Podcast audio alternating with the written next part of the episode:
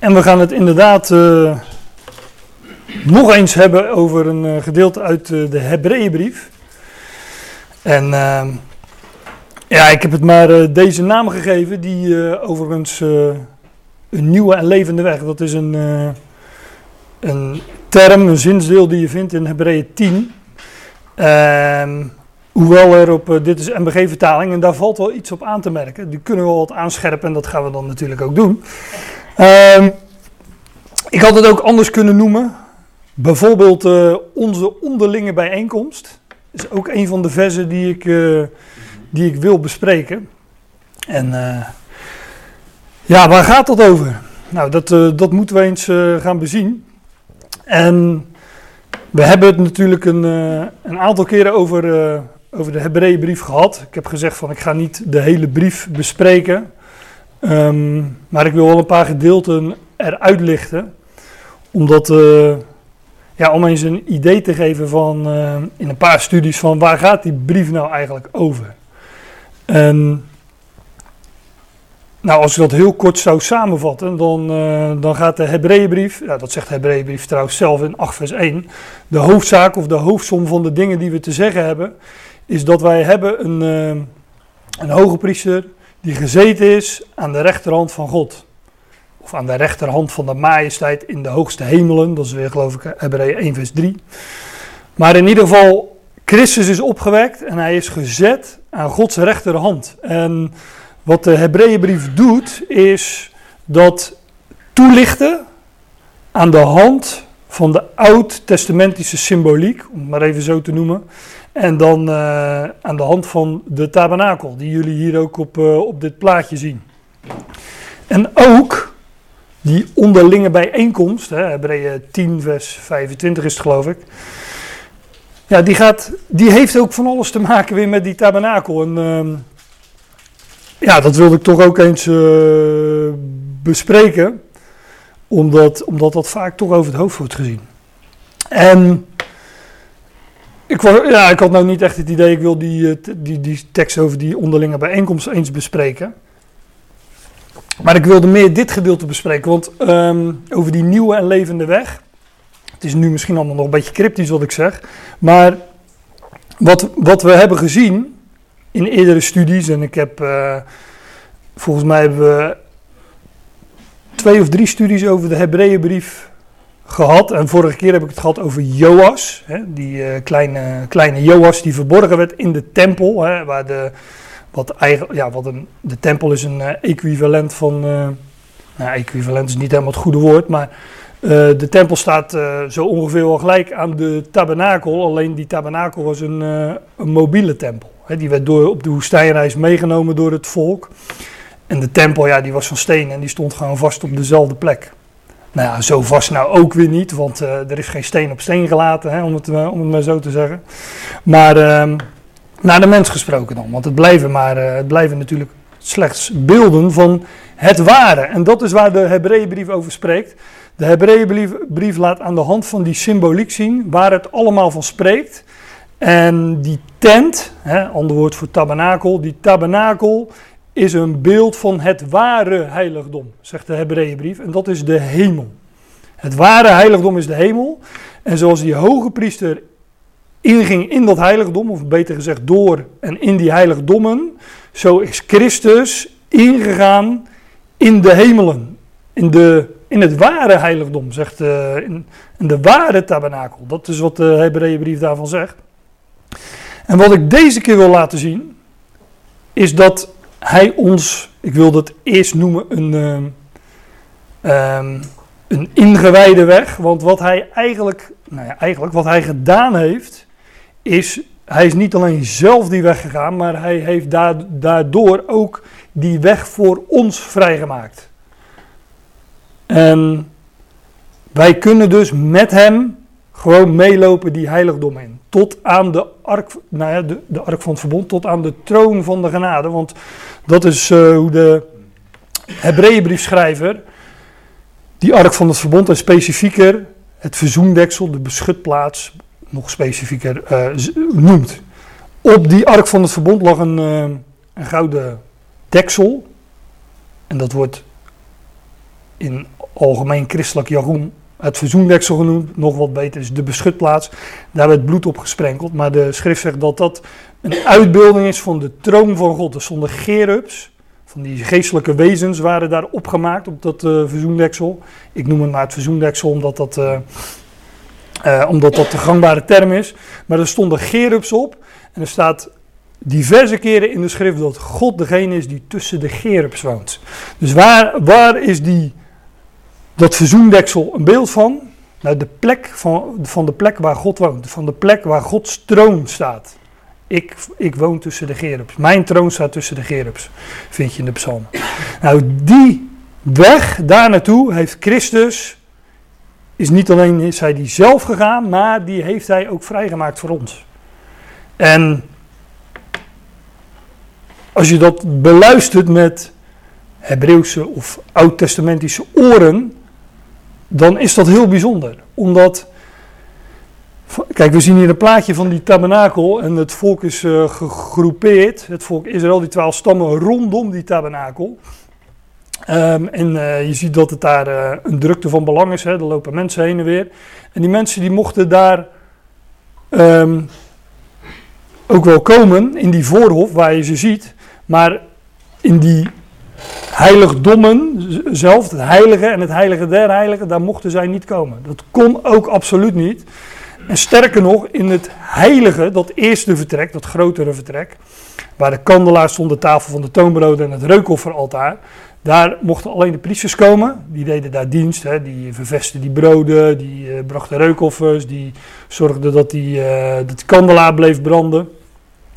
Maar in dat heilige der heiligen, daar stond de ark van het verbond, het allerheiligste attribuut.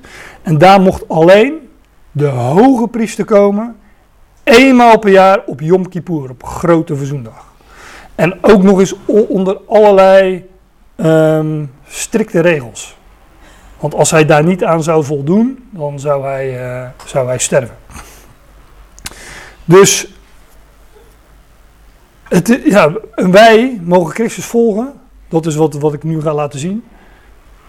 Tot die plek daar in, uh, in het allerheiligste gedeelte van die tabernakel. Wat een beeld is van de hemel. Die, die tabernakel is een beeld van de hemel. Ik heb vorige keer ook gezegd, het zijn drie vertrekken. Voorhof, heilige, heilige der heiligen. En de schrift kent ook uh, drie hemelen. He, Paulus werd opgetrokken tot in de derde hemel. En dat is de woonplaats van God. Eerste hemel, de plek van de, waar de vogelen des hemels vliegen. De tweede hemel, de plek van de sterren des hemels. En de derde hemel is uh, de woonplaats van God. Nou, die weg is uh, de, de hoge priester, de, die weg die de hoge priester op Grote Verzoendag ging. Hè, hier op aarde in dat wereldlijk heiligdom, zo noemt, uh, zo noemt de Hebreeënbrief dit bouwwerk ook, het wereldlijk heiligdom. Maar is een beeld van het waarde waar onze hoge priester met een hoofdletter is ingegaan. Nou, daar gaan we het dus over hebben. En dan uh, val ik binnen in uh, Hebreeën 10, vers 19. Waar de schrijver dit meteen zegt. Ik heb, het, ik heb het al eerder laten zien in Hebreeën 4 dat wij mogen naderen tot de troon van de genade. Dat ga ik straks nog een keer laten zien. Maar ik ben nu in Hebreeën 10 en uh, um, ja, daar staat dit. Omdat wij dan, broeders, vrijmoedigheid hebben voor het ingaan van de heiligdommen. En je moet je bedenken dat Paulus, ik neem even aan dat Paulus de schrijver is van Hebreeën, dat Paulus dit zegt tegen Hebreeën. Dat we vrijmoedigheid hebben om in te gaan in de heiligdommen. Dus in het heilige en zo, zo door het heilige naar het heilige der heiligen. Zo door dat voorhangsel, dat gordijn dat daar hing. Dat was absoluut verboden onder het oude verbond. En Paulus zegt van ja, we hebben vrij, zelfs vrijmoedigheid om in te gaan. We hoeven niet te aarzelen. Hij zegt tegen zijn lezers: we hebben de vrijmoedigheid voor het ingaan van de heiligdommen. Door het bloed van Jezus. Gezondheid. Daar kom ik straks op. Eerder in Hebreeën, dat uh, nog één keer, dan. Uh, het, is al mooi, het is al mooi weer. Dus, uh, omdat wij dan broeders vrijmoedigheid hebben voor het ingaan van de heiligdommen, zoals ik zei, zes hoofdstukken terug had Paulus al iets soorts uh, gelijks gezegd. Omdat wij dan een grote hoge priester hebben. Dat is geloof ik een pleonasme, een grote hoge priester. Ik geloof dat er staat een mega hoge priester. Dus hij is niet alleen een de, de hoge priester, maar hij is ook nog eens een grote hoge priester. Omdat wij dan een grote hoge priester hebben, die de hemelen is doorgegaan. Daar is hij weer. Hij ging de hemelen door. En ik heb, ik heb vorige keer ook gezegd, dat zegt nu even een voetnoot. Toen hij, dat zegt hij Breebrief trouwens ook, dus uh, ik uh, citeer het vrij. De Heer was uit Juda en kon naar het vlees. Hè, toen hij hier geboren werd als Jezus van Nazareth. De Heer was uit Juda en kon naar het vlees geen hoge priester zijn. Dus, als hij hoge priester genoemd werd, werd hij dat in zijn opstanding naar de geest. En hij werd dat niet naar de orde, naar de manier van Aaron, naar de manier van het oude verbond, maar naar de ordening, naar de manier, de wijze van Melchizedek. Nou, daar hebben we het een uh, hele ochtend over gehad. Maar ik herhaal het nog even, dat, uh, om ons geheugen op te frissen. Maar wij hebben dus een hoge priester. Hij is, uh, Jezus werd gedood, maar hij werd opgewekt door God de Vader. Hij stond op en hij meldde zich bij God. Dat is trouwens ook de Hebreeënbrief. Zie, hier ben ik om uw wil te doen, o God. Geciteerd uit de psalmen. En hij is de hemelen doorgegaan en gezet aan Gods rechterhand in de hemelen omdat wij dan een grote hoge priester hebben die de hemel is doorgegaan, Jezus de Zoon van God, laten wij aan de beleidenis vasthouden. De beleidenis van die Zoon. Daar opent de Hebreeënbrief ook mee. God heeft voortijds veelmaal en op veel wijze tot de Vader gesproken in de profeten. Maar in deze laatste dagen spreekt hij tot ons in de Zoon. Zo opent de Hebreeënbrief. We hebben trouwens ook overal de aanhef van de Hebreeënbrief. Nu weet ik het weer. Dat is alweer een tijdje geleden. Dus de beleidenis van de zoon, ja, dat is die beleidenis. Dat hij, ehm, ja, dat hij, uh, uh, dat God spreekt in deze laatste dagen door de zoon. Maar ook dat hij die zoon heeft gezet aan zijn rechterhand. Um, in Hebreeën 1 ook dat hij door de zoon de Ionen heeft gemaakt. Allemaal over gehad. Dus laten we die beleidenis vasthouden. en kijk, ik, zei, ik heb het net al gezegd, maar dit, ik herhaal dat uh, misschien wel tot, uh, tot vermoeiens toe, dat hoop ik niet. Maar, maar de Hebreeënbrief zegt zelf ook van ja, dit is vaste spijs. Dus het is niet zomaar melk van hapslik weg en uh, nu weet ik het. Ja, dan moet je op kouwen en hekkouwen en nog eens naar kijken van ja, maar hoe zit dat dan? Um, en um, Paulus zegt ja, voor sommigen, nou ja, hij zegt voor jullie is het, zegt hij tegen de Hebreeën. Um, ik heb vele dingen daarover te zeggen, maar het is zwaar om te verklaren, omdat jullie traag om te horen zijn geworden. Dus uh, zij hadden het zelfs eerst geweten, maar ze waren dat weer kwijtgeraakt. Dus ja, het zijn blijkbaar dingen die je er goed in moet stampen. maar zoals die hoge priester, daar ga ik het straks nog verder over hebben, die wegging tot, ja, dus de, door de heiligdommen. Hij ging hier bij, nou dat staat er niet op, door de poort van de voorhof naar binnen, langs het brandofferaltaar, langs het wasvat, dit voorhangsel, dit gordijn door, het heilige in. En zo door dit voorhangsel het heilige der heiligen. Daar ging het, dat, die, die weg ging hij op grote verzoendag, op Yom Kippur. En zo is, hebben wij een grote hoge priester, groter dan, dus, dan die aardse, die de hemelen is doorgaan. Die weg die de hoge priester in dit heiligdom ging, is een beeld van Christus die de hemelen is doorgaan. Jezus, de Zoon van God. En omdat hij dat deed, zegt de schrijver, Laten wij dan met vrijmoedigheid. Weer dat woord, vrijmoedigheid. En niet laten wij dan hè, aarzelend van, oh nou, nu mag het. Nee, met vrijmoedigheid. Hij is die weggegaan. Wij delen in zijn positie. Hij heeft het werk volbracht. Loop daar met vrijmoedigheid achteraan. Loop, wandel, wandel dezelfde weg. Wandel in zijn voetstappen. Om het zo te zeggen. Laten wij dan met vrijmoedigheid tot de troon van genade komen opdat wij ontferming in ontvangst zullen nemen en dat wij genade zullen vinden tot goed gelegen komende hulp. Nou, daar heb ik die laatste twee zinsdelen heb ik het uh, toen wat uitgebreider over gehad. Wat ik nu even alleen wil laten zien, daarom heb ik het onderstreept. Laten wij dan met vrijmoedigheid tot de troon van genade komen. En de troon van genade.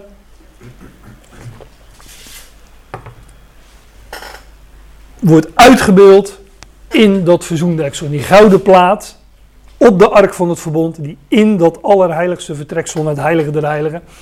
En dit zijn die gerubs. Er zijn er twee op dit plaatje. Ik denk zelf dat het er vier waren, maar misschien. Uh, ja. Ja, daar heb ik het wel eens over gehad, maar dat is al jaren geleden toen we die, uh, al die attributen besproken hebben. Maar de verzoendeksel, de beschutplaats, die gouden, dat gouden deksel, dat is een beeld van de troon van God. De troon van genade waar Christus ook is gezeten aan zijn rechterhand. En wij mogen met vrijmoedigheid daartoe naderen, ja, tot in dat heiligdom dus. Zoals hij die weg is gegaan, mogen wij ook die weg gaan. We hoeven daarbij niet te aarzelen, we kunnen met vrijmoedigheid doen. Het is natuurlijk wel is een, beeldspraak, is een illustratie, maar um, ja, toch wel duidelijk lijkt me. Kijk, het idee is niet alleen dat Christus die weg ging, maar het idee is dat die weg werd vrijgemaakt voor ons en dat wij die dus ook kunnen gaan. Zodat wij, er, nou, zodat wij niet, niet slechts die weg kunnen gaan, maar dat kunnen zijn. Dat is ook onze positie. En dit is de Hebreeënbrief. Dit wordt uitgelegd aan de hand van, um, ik het zo noemen, Hebreeuwse illustratie. Van van de, van de Hebreeuwse symboliek, van de, van de oud-testamentische symboliek. maar in andere brieven, zoals bijvoorbeeld de Colossensbrief, zegt Paulus gewoon, ja, um, jullie leven is met Christus verborgen in God. Dat is onze, onze, wij zijn in hem, wij zijn in Christus, wij delen in zijn positie. Nou, dat wordt in, uh, in brieven als Efeze en Filippenzen, uh, Efeze, nou, Filippenzen ook, maar Colossense natuurlijk uitgebreid toegelicht en uitgebreid uiteengezet. Nou, we hebben de Efezebrief besproken, dus daar, daar hoef ik uh, niks aan toe te voegen. Maar in Hebreeën wordt het ook gezegd, alleen daar aan de hand van de symboliek van de, ja, van de, van de Hebreeuwse Bijbel. Want ja, de schrijver heeft het ook tegen Hebreeën. Dus uh, hij, wijst, hij wijst erop wat al die symboliek in hun Bijbel, in hun Tenach, wat dat allemaal uitbeeldt. En dat Christus daarvan de vervulling is. Daar gaat de Hebreeënbrief over. En zijn positie is de onze. Zijn wij dan priesters? Uh, denk, hoor ik dan altijd iemand vragen. Denk van ja, dat, dat, dat vind ik altijd een beetje een lastige. Ik zou me daarvan af kunnen doen door te zeggen van, uh, nou, in, uh, in, in het boek Jozua, als de ark van het, ook de ark van het verbond door de Jordaan gaat, de drooggelegde Jordaan, een beeld van, uh, van, do, van dood en opstanding natuurlijk, dus altijd met water erin en eruit. Um, als die ark van het verbond daar doorheen gaat, is dat een beeld van Christus, maar die wordt gedragen door de Levitische priesters. Die zijn één met die ark van het verbond. Hè? Die hebben die ark van het verbond als hoofd boven zich, om het even, om even wat symboliek door elkaar te gooien. Maar dan lees je dat het volk Israël volgt op, ongeveer 2000 ellen. Ja, en daar is zeker is de ark van het verbond met die Levitische priesters een uitbeelding van Christus en zijn Ecclesia. en 2000 jaar, 2000 ellen verder volgt het volk Israël. Ook opofferingsgezindheid, priesterlijk. Ja, ook dat ja. Alleen. Oude mannen moeten ook bezadigd en uh, priesterlijk zijn. Staat dat daar uh, zo? Of ergens in een van die brieven. ik ben nog niet. Nou, dat zoeken we op straks bij de koffie. Maar, maar um, van Israël wordt natuurlijk ook gezegd dat het een priesterlijk koninkrijk zal zijn. In de toekomst zal Israël als, alsnog die positie in gaan nemen van een priesterlijk koninkrijk. En in die zin zijn, zijn, kan je van het volk Israël zeker zeggen dat het priesters zijn. In de context van Jozua zeg ik van nou, daar is de beeld van de Ecclesia. Maar dat wil, wil niet zeggen dat wij, uh, uh, dat wij uh, in elke context priesters zijn. Je kan dat wel zo zeggen, wellicht. Maar ik denk dat het hier nog veel, um, veel verder gaat. Wij zijn niet slechts de priesters. Wij delen gewoon in de hoge priester, om het zo te zeggen. Want van die priesters in de tabernakel, daar lees je van dat ze alleen in het heilige mochten komen.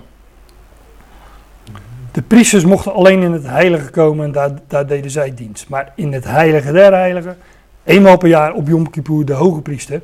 En de Hebreeënbrief zegt dat wij ja, die weg mogen gaan, maar ook mogen, kunnen zijn, dat wij zijn waar hij is. En, en met vrijmoedigheid daar mogen naderen waar de hoge priester is. En dat wij delen in die positie.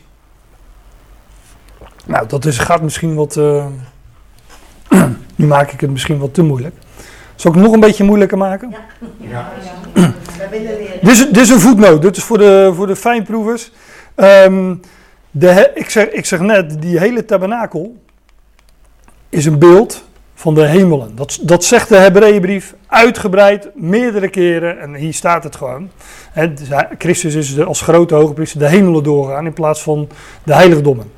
Ehm, maar de Hebreeënbrief, ik weet even niet uit mijn hoofd welk hoofdstuk het is.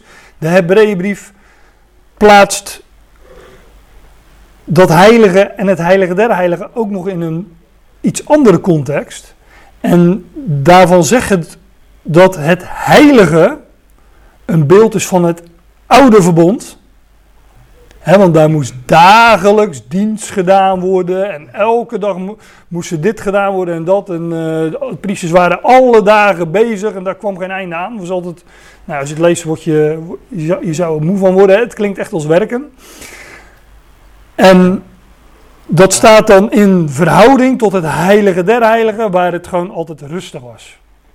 En dat is een beeld van het nieuwe verbond, waardoor één rechtvaardige daad van Christus, de hoge priester, een volkomen verzoening tot stand is gebracht. Het nieuwe verbond is dan ook een verbond van belofte. Ik zal, zegt God in, uh, volgens mij zeven keer in Jeremia 31, als over dat nieuwe verbond wordt gesproken. Dus in die context, als je die twee vertrekken naast elkaar zegt, zegt de Hebreeënbrief, het beeld van het oude en het nieuwe verbond.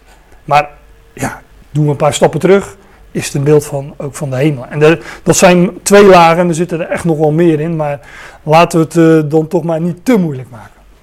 Dit is voor nu wel even genoeg, uh, denk ik. Want we moeten ook even bij de tekst blijven natuurlijk. vers 16 hè, zegt laten we dan. Alsof het een oproep is, ja. een aanmaning. Maar als ik hier lees, dan staat er zullen. Dat we daar naartoe zullen komen als een, is dat dan niet meer als een belofte? Nou, volgens mij staat er wel echt een, uh, een laten. Want dat, dat gaan we in Hebreeën 10 namelijk ook een paar keer tegenkomen, dat laten. Het is een uh, dat wij naartoe komen dan met vrijmoedigheid tot de troon van de genade, zegt, uh, um, zegt de interlineair. Ja, ik heb de scriptje vooral, uh, is dat zo. Ja.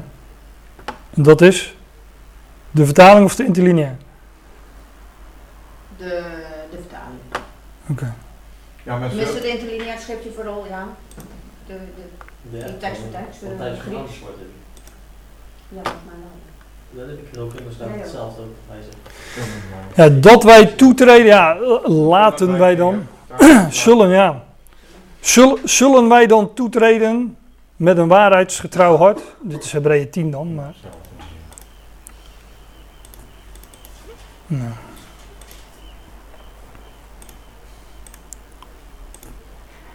Zullen wij dan naartoe komen met, ja, zo zeggen we dat niet in het Nederlands, maar dat, dat zou volgens mij ook prima kunnen. En zullen wij dan met vrijmoedigheid tot de troon van genade komen? Hè? Ja, volgens mij kan dat prima zo. En dan gebaseerd op het voorgaande, dat hij de hemelen is doorgegaan. Ja, zullen wij dan als logisch gevolg dat hij die weg is gegaan en wij bij hem horen, wij één met hem zijn, zullen wij dan met vrijmoedigheid tot de troon van genade komen? Ja komt gewoon helemaal niet voor in de tekst. Nee. Dat is ook een invulling. Ja. Dus je Ja, en laat- Het woordje zullen, want dan geef je een bepaalde lading aan. Ja. Ja, wij gaan naartoe. Dat wij naartoe komen, ja, maar hoe zeg je dat in het Ja, Nederlands? maar Dat, die Nederlandse woorden staan er sowieso niet, dus ik kies altijd een woord. Ja. ja. Ja, Ja, dan zijn Ja. klaar. Ja. ja, dat is het lastige natuurlijk van eh, de ene taal overzetten in de andere. maar dat laten wij dan, dat laten wij dan, dat komen we straks nog een paar keer tegen in eh Hebreeën 10, want daar gaan we weer naar terug. Omdat wij dan, broeders, vrijmoedigheid hebben voor het ingaan van de heiligdommen. Oh ja, in de Statenvertaling staat om in te gaan in het heiligdom. Dat is niet helemaal goed, want het staat een meervoud. De Nederlandse concordante vertaling, die zegt voor het ingaan van de heilige plaatsen. Je ziet dat de Italianen dat ook zeggen, alleen houdt hij dat plaatsen wat lichter, want dat staat er niet. Er staat gewoon een meervoud van heilige. Dus heiligen, maar ja, voor het ingaan van de heiligen, dan denken wij van, huh, waar, waar, waar heeft de schrijver het over? Nou, het heilige en het heilige der heiligen, om het zo te zeggen. Dus inderdaad, die twee heiligdommen, daar gaat het over. Omdat wij dan, broeders, vrijmoedigheid hebben voor het ingaan van de heiligdommen, daar hou, houd ik het dan maar op, in het bloed van Jezus. Zo'n kort zinnetje waarbij je altijd denkt van, oh ja, het bloed van Jezus. Nou, eh. Maar in de Hebreeënbrief is dit ook weer een uitleg van oud-testamentische symboliek. Zo blijf ik het maar noemen. Ehm, want daar wordt gezegd dat dat bloed van stieren en bokken een, beeld, een uitbeelding is van het bloed van Jezus. Die, die, dat, die, eh, dat, dat bloed van stieren, van dieren dus, samengevat, dat bloed van die dieren, die offerdieren, zijn slechts een type van hem, van zijn bloed. In Hebreeën 9 staat: Christus echter is gekomen als hoge priester van de toekomende goede dingen. Ook weer de, de dingen zoals die zich op aarde bevonden in die tabernakel, ehm, waar de hoge priester dienst deed, die zijn een beeld van Christus, die is gekomen als hoge priester van toekomende goede dingen. Toekomende goederen, ook weer zo'n meervoud. Het, meervoud van het goede. Dat is wat er letterlijk staat. Ik heb er geen interlineair bij afgedrukt. Maar Christus is dus gekomen als hoge priester van dingen die nog toekomst zijn. Die eh, toen in de, bij de tabernakel dus ook toekomst waren, maar in die tabernakel geïllustreerd werden. Door de meerdere en meer volmaakte tabernakel. Niet met handen gemaakt, dat is niet van deze schepping. Christus is gekomen als hoge priester van de toekomende goede dingen. En dat is door de meerdere en meer volmaakte tabernakel. De meer, meerdere en meer volmaakte tent. Namelijk, en dat, zegt, dat, ja, dat staat dan in 9 vers 24. Van de ware tabernakel, de hemel zelf. Blijf dat herhalen. Die tabernakel is een beeld van de hemelen zelf. En Christus is gekomen als hoge priester van die toekomende goede dingen door die meerdere en meer volmaakte tabernakel. Die is hij doorgegaan. De hemel zelf. Want die is niet met handen gemaakt. Dat is niet van deze schepping. De derde hemel, daar, uh, daar lees je ook nergens van dat die is geschapen. Dat is, uh, nou ja, dat is weer een onderwerp op zich. Maar die is niet met handen gemaakt. Niet van, van deze schepping. Zoals die tabernakel natuurlijk wel met handen werd gemaakt. Hoofdstukken lang lees je hoe dat... Uh, um, hoe dat, hoe dat ook moest gebeuren, de voorschriften daarvan. Hoe heette die twee mannen ook weer, die daar, uh, Aholiab en... Nou, ik ben ze even kwijt, maar dat waren kunstenaars die al die, die, die, ja. die, die dingen in de, in de tabernakel hebben vervaardigd met hun handen. Het was handwerk.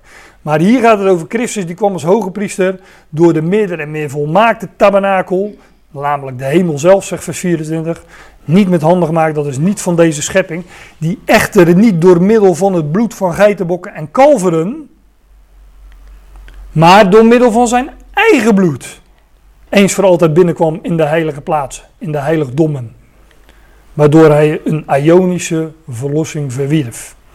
Nou ja, uh, hele mond vol, maar hij kwam echter niet door middel van het bloed van geitenbokken en kalveren, maar door middel van zijn eigen bloed.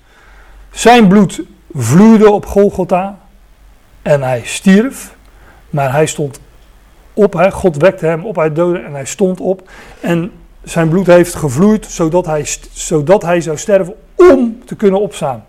En dat bloed, dat werd door die hoge priester in de tabernakel werd gesprenkeld in die rituelen, ik kom er zo nog op terug. Dat is een beeld van het bloed van Jezus. Dat gevloeid heeft en dan denken wij vaak bij bloed aan dood. Maar nee, het is het bloed van de levende, ja, die weliswaar geslacht werd als een offerlam, maar nu leeft. Daar spreekt dat bloed van. Want dat bloed wat opgevangen werd, was het bloed van dat geslachte offerlam. Maar die werd geofferd op, uh, op het brandofferaltaar, hè, zullen we nu maar zeggen, bij de tabernakel. En dat steeg op tot God. En dat is een beeld van zijn opstanding en zijn opstijging tot God, tot aan Gods rechterhand. En dat bloed had nog een functie in die uh, tabernakeldienst, in, de, in die rituelen. Nou, daar spreekt het bloed van Jezus van. Nou, dat, nee, daar spreekt dat bloed in die, in die eh, oud-testamentische rituelen van. Van het bloed van Jezus. Dat hij door middel van zijn eigen bloed eens voor altijd binnenkwam in, ja, in, het, in, de, in de heiligdommen, namelijk de hemel zelf, het ware heiligdom. Let op, omdat wij dan, broeders, vrijmoedigheid hebben voor het ingaan van de heiligdommen in het bloed van Jezus, langs de pas geslachte en levende weg, die Hij voor ons inwijdt. En de NBG en ook de Statenvertaling hebben hier een nieuwe en levende weg, heeft de NBG en de Statenvertaling in het oude Nederlands een verse en levende weg, maar vers is ook nieuw, hè? fris, vers. Maar hij heeft een, letterlijk staat er, een pas geslachte en levende weg ingeleid. Dus hij is geslacht, waar, dus al die offerlammen, hè, geitenbok en stieren lazen we net, en dat bloed daarvan, is allemaal een uitbeelding, een, een voor, voorafschaduwing van degene die komen zou. En hij is geslacht, maar hij leeft. Dus hij werd gedood op de slagbank, het kruis van Golgotha. Het is een uitbeelding van de slagbank, zoals die dieren bij het brandofferaltaar niet stierven op het altaar, maar naast het altaar. Of, of naast het altaar of op een slagbank. Daar werden ze geslacht, daar werden ze gedood. En het, ze werden gelegd op het brandofferaltaar en daar stegen ze op tot een liefelijke reuk voor Yahweh. Zo staat het in, eh, eh, meerdere malen in het Oude Testament. Maar dat is een beeld van zijn opstanding. En het brandofferaltaar was 3 L hoog. Dus verhoging vond plaats op de derde. Dat is allemaal symboliek. Maar hij is dus pas geslacht, maar hij leeft. Hè? In openbaring lees je dan ook, ik zie een lam staande als geslacht. Ik zie een lam staande als geslacht. Langs de pas geslachte en levende weg die hij voor ons inwijdt. De MBG nieuwe versen, maar letterlijk staat er echt pas geslachte. Dat, eh, dat tweede deel van het woord heeft met geslacht te maken. We lezen dan ook dat Christus als het ware paascha, het ware paaslam, is geslacht. Bijvoorbeeld in 1 Korinthe 5. Maar waar ook eh, in Exodus, wat is het, 12 geloof ik, waar het bloed van dat paaslam werd gesmeerd aan de deurposten. Dat ook allemaal, eh, allemaal vooruit, voor, dat wijst allemaal vooruit naar hem. En de offerdieren, ja dat heb ik nu al gezegd, maar die zijn daar een beeld van, die offerdieren in de tabernakel. Ja, het bloed van deze dieren, van dat geslachte offerdier op Yom Kippur, op Grote Verzoendag, werd door de hoge priester, met een kleine a, hè, op Yom Kippur gesprenkeld op zijn weg door het heiligdom. Dus die, die die hadden uh, dat opgevangen bloed en die gingen weg tot in dat binnenst heiligdom en onderweg sprenkelde hij bloed. Tot hij bij de ark van het verbond kwam en daar ook bloed sprenkelde op het verzoendeksel. En dat is, een hele beetje macaber. Als je gewoon naar het ritueel op zich kijkt, denk nou dat is macaber. En uh, zal er wel uh, smerig uitgezien hebben daar. En, en zo. Maar als je gaat, naar de, gaat kijken naar de betekenis, en dat wordt hier uitgelegd in Hebreeën 10. Die hoge priester, die op Yom Kippur, op grote verzoendag, zijn weg ging door het heiligdom, is een beeld van Christus die met zijn eigen, door zijn eigen bloed ingaan, inging in de heiligdommen, namelijk in het ware heiligdom, in de hemel zelf. En zo, als die hoge priester dat bloed sprenkelde op zijn weg door die heiligdommen, zo ontstond er als het ware een bloedspoor en een weg van bloed. En dat is de pas geslachte en levende weg. Die wordt daardoor uitgebeeld. Zo dus. Die ho ja, zal iets minder met minder strakke lijntjes geweest zijn, maar bij wijze van spreken, hè, vanaf, vanaf, vanaf buiten, vanaf, vanaf zijn ingaan in het heiligdom door de poort van de voorhof. Dit, dit is de grens van de voorhof, dus niet heel de tabernakel staat erop. Op mijn eerste plaatje natuurlijk wel, maar ik ga nu niet helemaal terug. Maar je ziet dan, op mijn eerste plaatje zie je zo uh, uh, deze, deze afscheiding. Helemaal vierkant met het volk daaromheen gelegerd. en ehm, als je daar binnenkomt, is dat de voorhof. Daar stond het brandofferaltaar en het wasvat. Dus dat is in principe het eerste vertrek. Als je dan hier inging, kwam je in het heilige, waar de tafel de toonbroden, de kandelaar en de, het reukofferaltaar stond.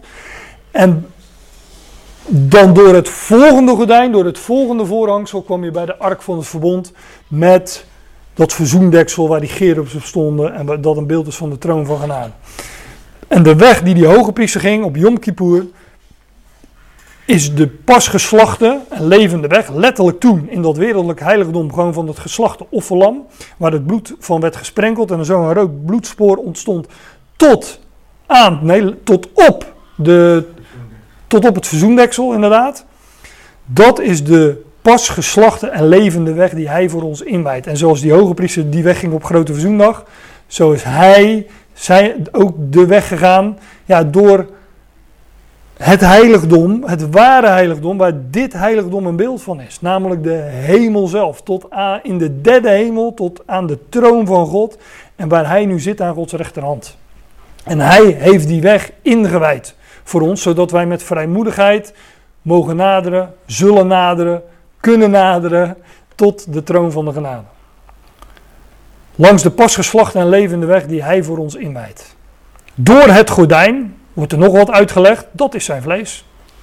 Waar is dat gordijn een beeld van? Nou, van zijn vlees. En daarom scheurde dat gordijn ook toen hij stierf. Ja, niet het gordijn van de tabernakel, maar het gordijn van de tempel. En Jezus roept weer met een luide stem en hij geeft de geest en neem waar. Het gordijn van de tempel wordt van boven tot beneden in tweeën gescheurd. Ook nog eens typologisch. Hè? De weg naar God werd vrijgemaakt. Niet door, door het werk van de mens, want dan zou het nou van beneden naar boven zijn gescheurd. Maar doordat het gescheurd werd van boven naar beneden. Het is God die verzoening tot stand brengt. Het is Gods werk, Hij doet dat. Enzovoorts. Nou, dat gordijn werd dus van boven tot beneden in twee gescheurd. Ook nog een aardbeving en de rotsen werden gespleten. Maar het gaat me nu even natuurlijk om dat voorhangsel, dat gordijn. En uh, dat kon je dus zien vanaf de plek waar, uh, waar Jezus werd gekruisigd. Want die hoofdman over honderd, die, die zag dat en die riep, en die riep ja waarlijk, de, deze was uh. Waarmee gezegd is dat het ergens aan de oostkant moet zijn geweest, want daar was dat uh, voorhangsel te vinden van uh, de tempel. Dus nou, wat ligt er aan de oostkant van Jeruzalem? De Olijfberg. Nou, dat is een ander onderwerp, maar dat hebben we dan maar wel even geconstateerd. Omdat wij dan, broeders, vrijmoedigheid hebben voor het ingaan van de heiligdommen in het bloed van Jezus, langs de pas geslachte en levende weg die hij voor ons inwijdt door het gedijn heen, dat is zijn vlees. En, het lijkt Paulus wel, hè, met al die lange zinnen. En wij een grote priester hebben over het huis van God. Hè, ook hier weer een mega, een mega priester. Hebben over het huis van God. Omdat wij dit allemaal hebben, laten wij dan, of, nou ja, ik heb de interlineair erbij, dat wij toetreden. Het logische gevolg is dat hij die weg is gegaan. En dat daardoor hebben wij vrijmoedigheid en de, de ja, de oproep, misschien is het inderdaad niet eens een oproep, maar is het een conclusie? Laten wij dan, zullen wij dan, dat wij dan toetreden. Dus, nogmaals, ik, ik, ik leg er nogmaals de nadruk op. Volstrekt onmogelijk onder het oude verbond. Op straffen des doods. Om daar te komen op die plek waar de hoge priester ging. Want de wet is ook een bediening des doods. Hè? Dus, uh, maar ja, het is schaduw, dat zegt de Hebreeënbrief ook, een schaduw der toekomende dingen. Het is een schaduw en schaduw in zichzelf is duister. Maar schaduw, als je, als je erg schaduw ziet, dan weet je, er moet licht zijn. Dus je moet verder kijken dan je neus lang is, om het even zo te zeggen. Je moet, als je daar schaduw ziet, dan moet je daar kijken dan weet je van hé, hey, er is meer. Er is licht. En dan moet je kijken van, van maar ja, wat zegt die schaduw dan over het licht? Dus daar, uh, en da, dat, dat doet de Hebreeënbrief ook. En daarom zegt ook, het is een schaduw van toekomende dingen. Laten wij dan zullen wij dan dat wij toetreden? Ja, in het Oude Testament ehm, wordt dit woord, nou dat is in de, in de Septuagint, de Septuagint, ja, dus de Griekse vertaling van het Oude Testament, die, daar wordt dit woord vaak gebruikt in verband met de offerdienst. Dus dat naderbij brengen, dat toetreden, is in de zin van offeren. En um, ja, dat vind, dat vind, dat, zelfs dat vinden we in de brieven van Paulus. Hè? Dat, dat wij, nu wij deze positie hebben, dat wij, ja, dat is, klinkt bijna godslastelijk, maar dat, dat wij hem iets mogen aanbieden. Iets offeren. Niet dat God dat van ons nodig heeft, maar dat is, dat is de logische conclusie als je weet wie je bent. Als je weet dat je van Hem bent, dat je bij Hem hoort, ja, dan is het ook logisch dat je zegt van nou ja, hier ben ik Heer. Uh, ik ben uw eigendom, dus doe maar met mij wat u, uh, wat, u, uh, wat u van plan bent. Daar geef ik me toe over. Paulus zegt in Romeinen 12, ik roep jullie dan op broeders. Maar dit is in verband natuurlijk met de voorgaande elf hoofdstukken. Nou ja, laat ik dan Romeinen 11 vers 36 slechts noemen uit Hem, door Hem en tot Hem zijn alle dingen.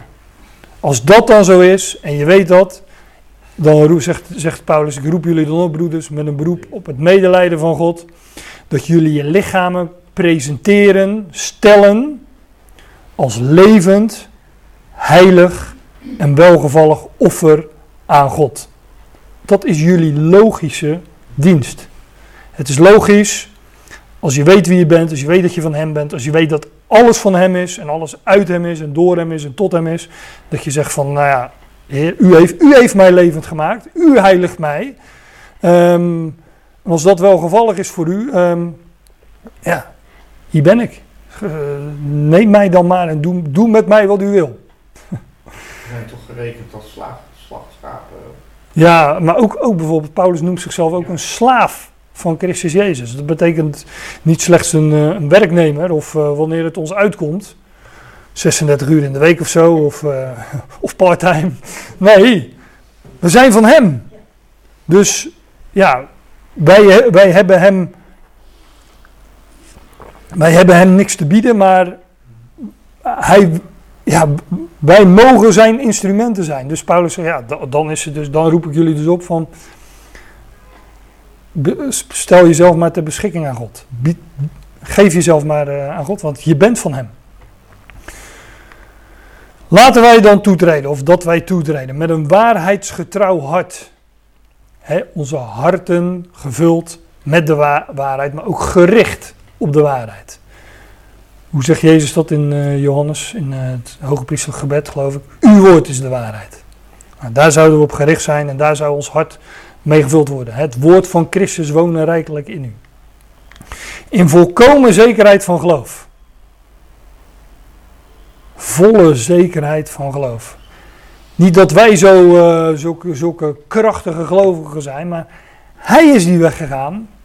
En wij behoren hem toe.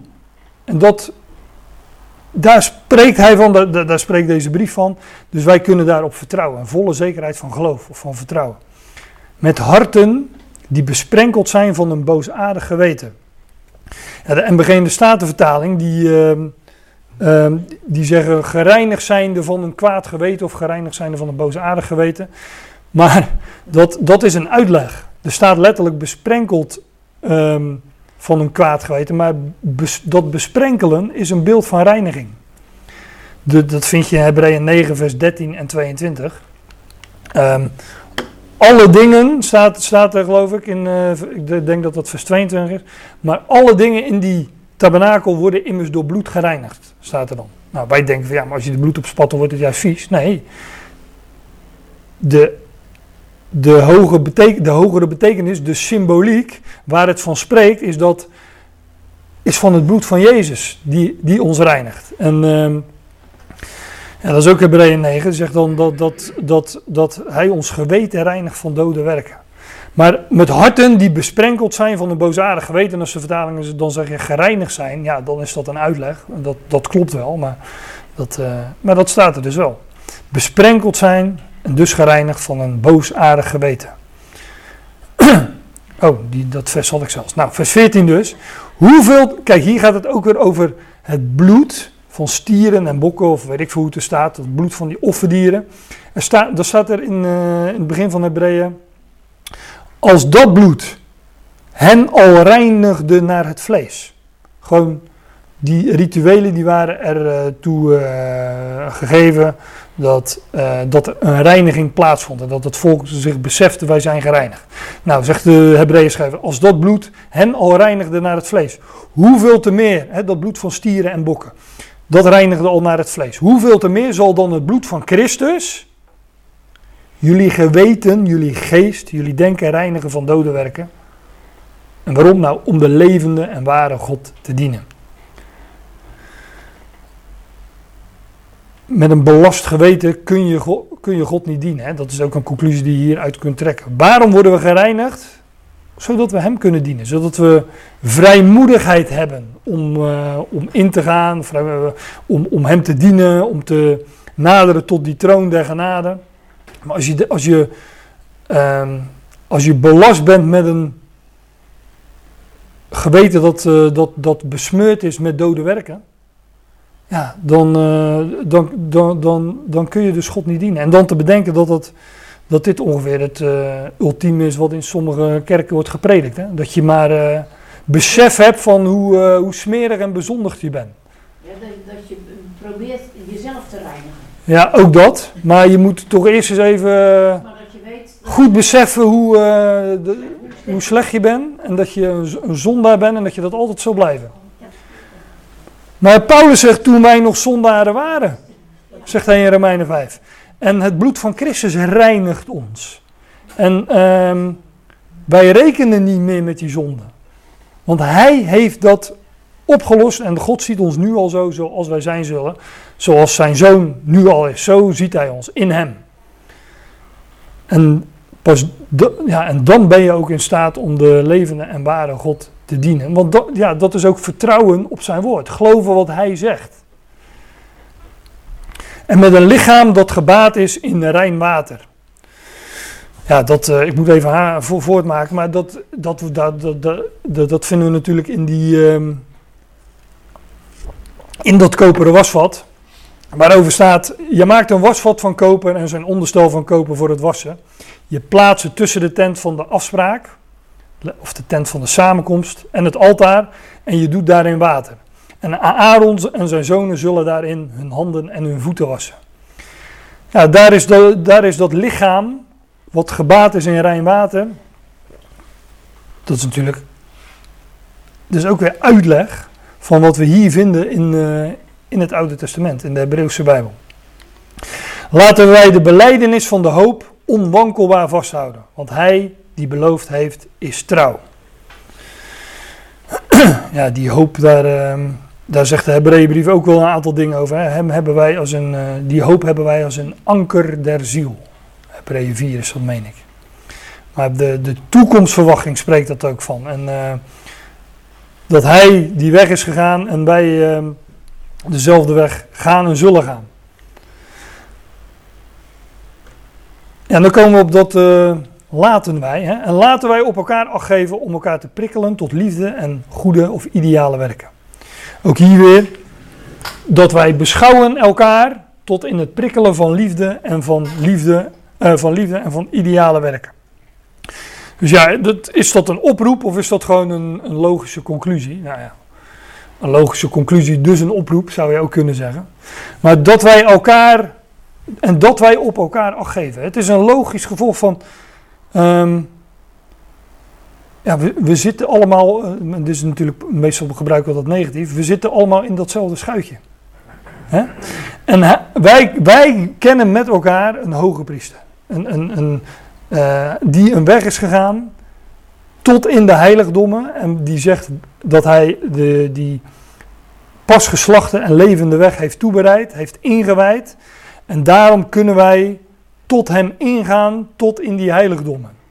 Nou, als dat zo is en we beseffen ons dat met elkaar, laten wij dan, of zullen wij dan, of dat wij dan zien op elkaar, beschouwen elkaar, om elkaar te prikkelen, aan te sporen, aan te moedigen tot liefde en goede werken. Niet nalatende onze eigen samenkomst. ja. Want zo staat het er. Toch niet in de steek latende of toch niet nalatende ehm, het bijeenkomen van onszelf, hè, onze eigen samenkomst, onze eigen bijeenvergadering. De Statenvertaling en de MBG zeggen dus onze onderlinge of onze eigen bijeenkomst. Bekende term en uh, die wordt meestal gebruikt om uh, de mensen naar de kerk te krijgen, om het zo maar te zeggen. En uh, kijk, wat, wat we ons eerst moeten beseffen is dat de schrijver het hier heeft tegen Hebreeën. En de context van de Hebreeënbrief is dat zij leefden in de, in de nou, niet in de navolgende generatie na de opstanding van Christus, maar alweer iets verder. Hè, want na de tijd hadden zij leraren moeten zijn enzovoort. Maar het volk Israël als geheel zou niet had niet de Messias aanvaard. Maar er waren gelovigen onder die Hebreeën. Wij zouden zeggen Messias beleidende Joden. Uh, die waren er.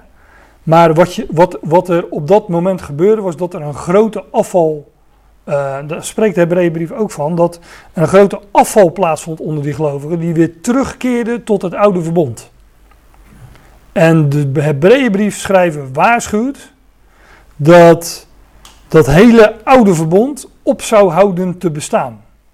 En sterker nog, hij, zei, hij, hij legt uit dat, spreekt ook over vuur, onder andere in de versen uh, hierna, later in het hoofdstuk, die ik niet meer uh, ga, ga behandelen, want dan, uh, dan zitten we hier vanmiddag nog. Maar lees het maar na in Hebreeën 10, um, de, de, de volgende versie hierna, maar ook in Hebreeën 6 bijvoorbeeld. Hij waarschuwt dat er aan het einde van het, uh, dat er aan het oude verbond een einde zou komen, door, ook door middel van verbranding. En dat is in 70 na Christus gebeurd. Toen is de stad en de tempel verwoest. En, en ja, met de verwoesting van de tempel kwam natuurlijk ook een einde aan dat, aan dat oude verbond. Omdat heel veel van de rituelen en de, de gebruiken van het oude verbond te maken hadden met die tempel. En heb je geen tempel, ja, dan kun je dus ook uh, uh, niet aan die rituelen voldoen. Maar veel van die Hebreeën kwamen dus samen op uh, Sabbat in de synagoge. Maar blijkbaar hadden zij ook een, uh, een eigen samenkomst. Ik denk op de eerste dag van de week. Hè, zoals, uh, dat, dat, lees je ook natuurlijk in de Evangelie. En daar heeft deze eigen samenkomst alles mee te maken. En het zal ongetwijfeld zo zijn dat degenen die terugvielen naar dat oude verbond, deze samenkomsten, buiten de synagoge om dus, gingen vermijden. Ze gingen nalaten. En de schrijver zegt hier niet nalatende onze eigen samenkomst. Het um, woord dat hier gebruikt wordt is episynagogen. En dat heeft natuurlijk te maken met uh, de synagogen. En um, Hebreeën kwamen dus samen in de synagoge. En we vinden dat woord synagoge, synagoge, Griekse woord, vinden we 56 keer in het Nieuwe Testament. In de Evangelie dat Jezus in de synagoge kwam, in handelingen dat Paulus in de synagoge kwam. Maar hier wordt blijkbaar gesproken over een, uh, een, een epi-synagoge. Een epi is op of boven. Dus een samenkomst die uitging boven de samenkomst in de synagoge. Om het, om, om het even zo te zeggen. Ja, en dat, daar kan je misschien van zeggen dat dat een letterlijke samenkomst was op de eerste dag van de week. Ik geloof ook wel dat dat zo was en dat uh, alleen het een heeft met het ander te maken. Want ik geloof dat het nog veel dieper gaat. Episch op of boven, zei ik al. Gaat het hier over de samenkomst die de gelovige Hebreeën hadden als gelovigen in Christus? Ik denk het wel, maar ik heb toch eh, even een vraagtekentje achter gezet. Ehm, omdat dat niet alles is. Nogmaals, die Hebreeën kwamen in de synagoge samen, maar ze hadden blijkbaar ook als Messiasbeleiders een samenkomst ja, op de eerste dag van de week. Zoals wij dat eh, ook hebben, alleen wij zijn geen Hebreeën, geloof ik. nou ja, over het algemeen. Uh, maar de samenkomst van de. Dit, dit, gaat dit over de samenkomst die de gelovige Hebreeën hadden als gelovigen in Christus. Laten we zeggen, op zondag kwamen ze bij elkaar als Messiasbeleiders. Als Messiasbeleidende Joden. Ik zeg ja, dat zou ongetwijfeld kunnen. Maar, en dat heb ik eigenlijk zelden of nooit uh, ergens gehoord of uh, gelezen. Deze term, samenkomst,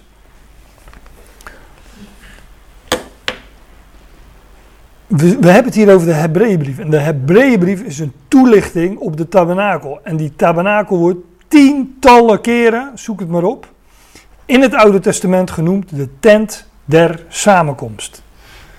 Tik het maar in op uh, bijvoorbeeld statenvertaling.net, daar zit zo'n handige zoekmachine in. Als je gewoon intikt, ik dacht tent der samenkomst, dan vind je hem echt tientallen keren. Dus die, die term onze eigen samenkomst, die verwijst naar de tabernakel, naar de tent der samenkomst. En het volk, zoals dat, zoals dat in, de, in de woestijn gelegen was rondom die tabernakel, kwam samen in die tent der samenkomst. Als zij wilden offeren, gingen zij naar de tent van de samenkomst. Als zij een, uh, ja, weet ik veel, uh, ik weet niet hoe dat precies in de praktijk ging, maar als zij een priester wilde spreken, of als zij wilden horen van de woorden Gods, dan gingen zij naar de tent van de samenkomst. Dus in de context van de Hebreeënbrief is samenkomst dus ook in ieder geval een verwijzing naar de tent van de samenkomst. Dus de gelovigen, de Israëlieten,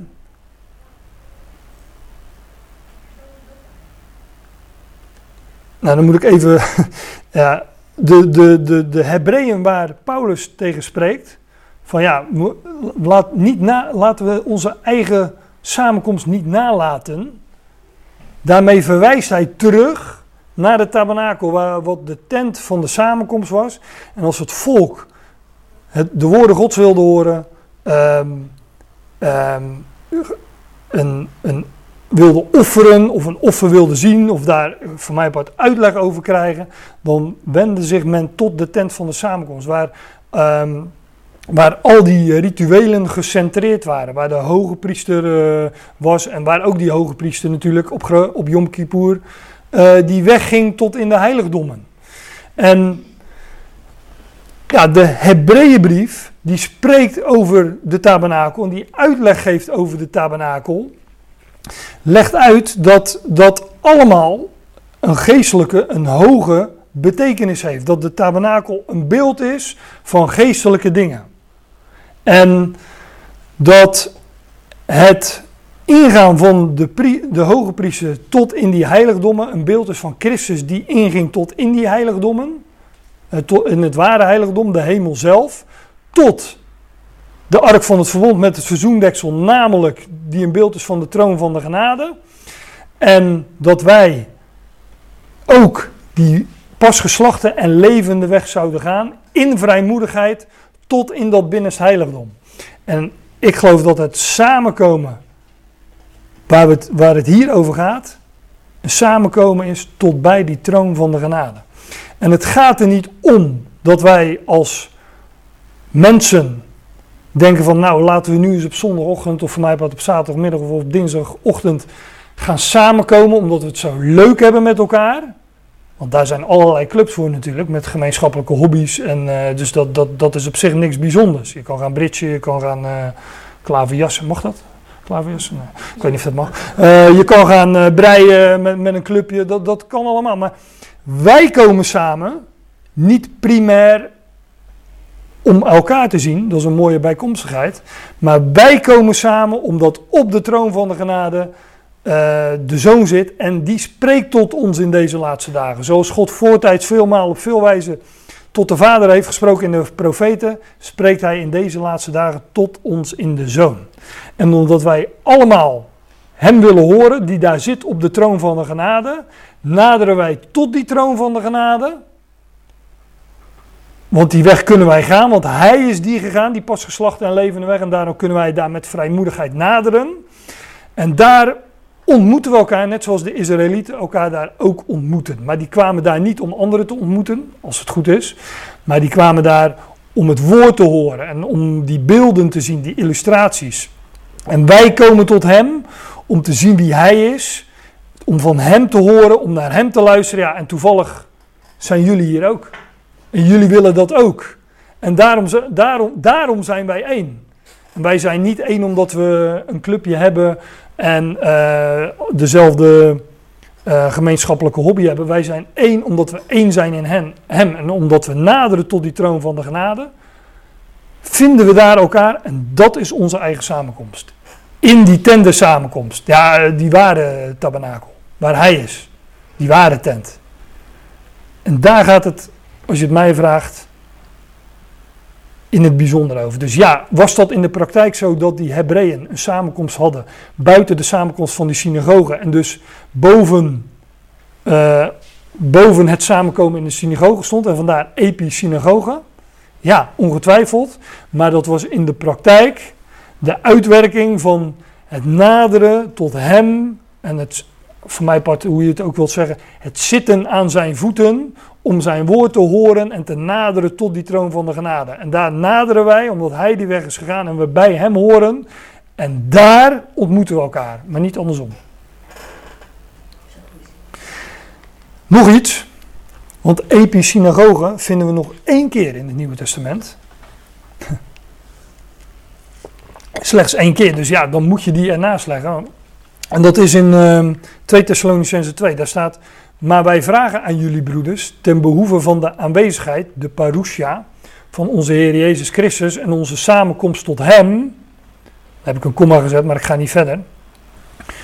Daar staat een komma, maar ik ga niet verder. Maar dit hoofdstuk, 2 Thessalonicense 2, gaat over de parousia van onze Heer Jezus Christus. Dat wordt in de MBG in de Statenvertaling vertaald met komst of toekomst. Populair gezegd wederkomst. Hè? Wat natuurlijk niet één moment is, maar een periode. Ik vat het even samen. En Paulus zegt: Wij vragen aan jullie broeders ten behoeve van de komst, van de aanwezigheid, de parousia van onze Heer Jezus Christus. En onze samenkomst tot Hem. En dit woord, samenkomst, is ook weer dat episynagoge. Dus onze bijeenvergadering. Um, ja, en de Statenvertaling zegt onze toevergadering tot Hem. De MBG zegt onze vereniging tot hem. En de NCV, dat vind ik een hele mooie. Nederlandse concordante vertaling. Onze opzameling tot hem. Want er staat letterlijk van ons ja, bijeenkomen, samenkomen of toevergaderen. Het is eigenlijk passief. Hè? Onze toevergadering, onze bijeenvergadering.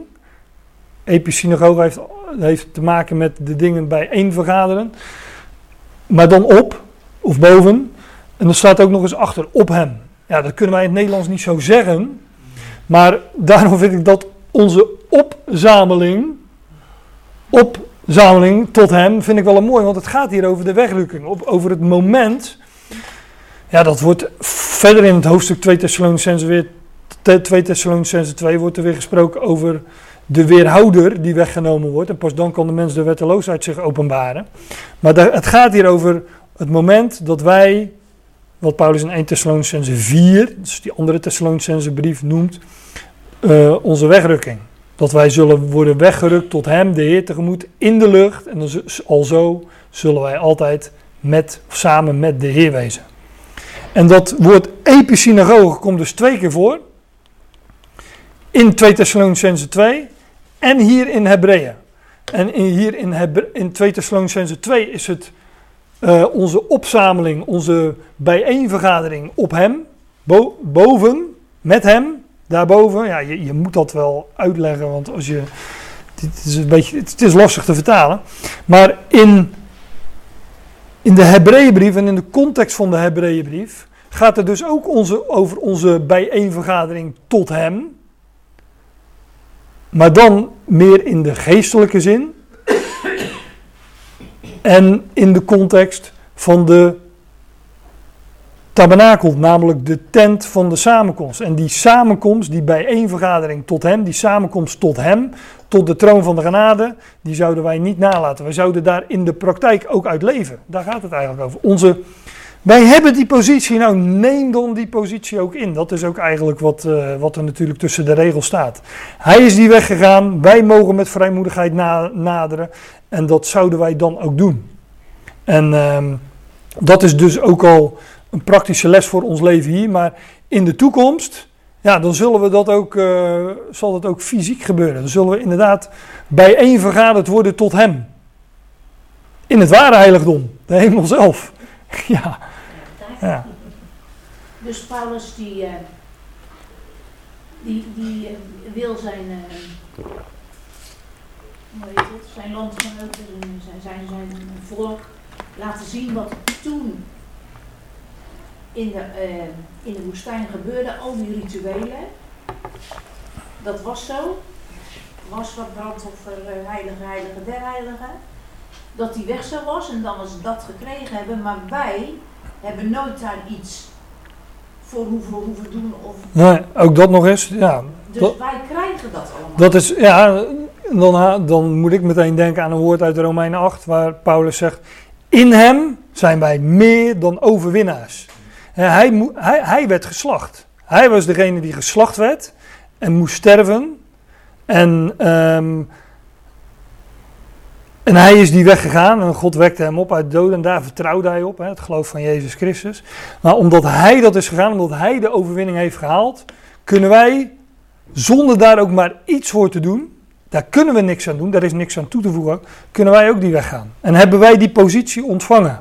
En dus zijn wij daarin meer dan overwinnaars. Ja. Die, die, die denkt, jullie weten dat? Al die geschiedenissen? Ja, ze, ze hadden dat moeten weten, ja. ja, ja. ja. Ze waren daarmee grootgebracht. Hè? Het was hun, zo, zo zegt uh, het Oude Testament dat ook natuurlijk. Het was hun ingeprent. Prent het dan ook. Ze vielen terug in, in. Ze vielen terug naar dat oude verbond. En daar zegt uh, de Hebreeën schrijver ook van ja, dat staat op het punt te verdwijnen. En wat, wat oud is, is verouderd en nabij de verdwijning, staat er. Uh, nee, want, want die sabbatsrust, die is in Christus. Hè? Ze gingen ook weer, de, weet je, mensen die zeggen ik wil de sabbat houden, weet je wel. Zo blijft er dan een sabbatsrust, dat is in Christus zelf. Ja, maar de, de, dat is weer Hebreeën 4 geloof ik, ja, over de sabbatrust, sabbatsrust die er nog over is voor het volk van God. Ja, dat is in Christus dat, zelf. Maar dat, die, die, kennen, wij kennen die al, maar dat volk zal die sabbatsrust, de duizend jaar, ook ingaan in de toekomst. Ja, maar dat wordt vaak aangewend, hè. Van, ja, weet je wel, ja. bedoel. Maar, dan zal, dan zal, ja, dan zal, dan zal, viel het ook niet terug, natuurlijk. Ik loop helemaal door de tijd heen, maar dat komt omdat jullie natuurlijk mij ook, Ja, uh, heel lang. omdat, jullie mij, uh, omdat jullie mij in de reden vallen. Dus ik geef jullie de schuld straks. Maar kijk, wat, wat, wat er ook gebeurd is. Hè? De, de hoge priester ging in, in die heiligdommen. Op, gro- op Yom Kippur, op grote verzoenen, verzoendag. Om be- beschutting, uh, verzoening te doen voor de zonde van het volk. En hij kwam daar dan weer het heiligdom uit en dan zegende hij het volk. Maar onze hoge priester is ingegaan in het ware heiligdom. En hij is daar niet meer uitgekomen. Dus het is al 2000 jaar Yom Kippur. Bij wijze van spreken. En in de toekomst zal hij, de hoge priester, inderdaad naar buiten komen en zijn volk zegenen. Dus het is allemaal, al die beeldspraak, al die typologie spreekt, spreekt van hem. En dat is natuurlijk uh, één. geweldig. Ja, Ja, nu, nu ook. hè. Ja.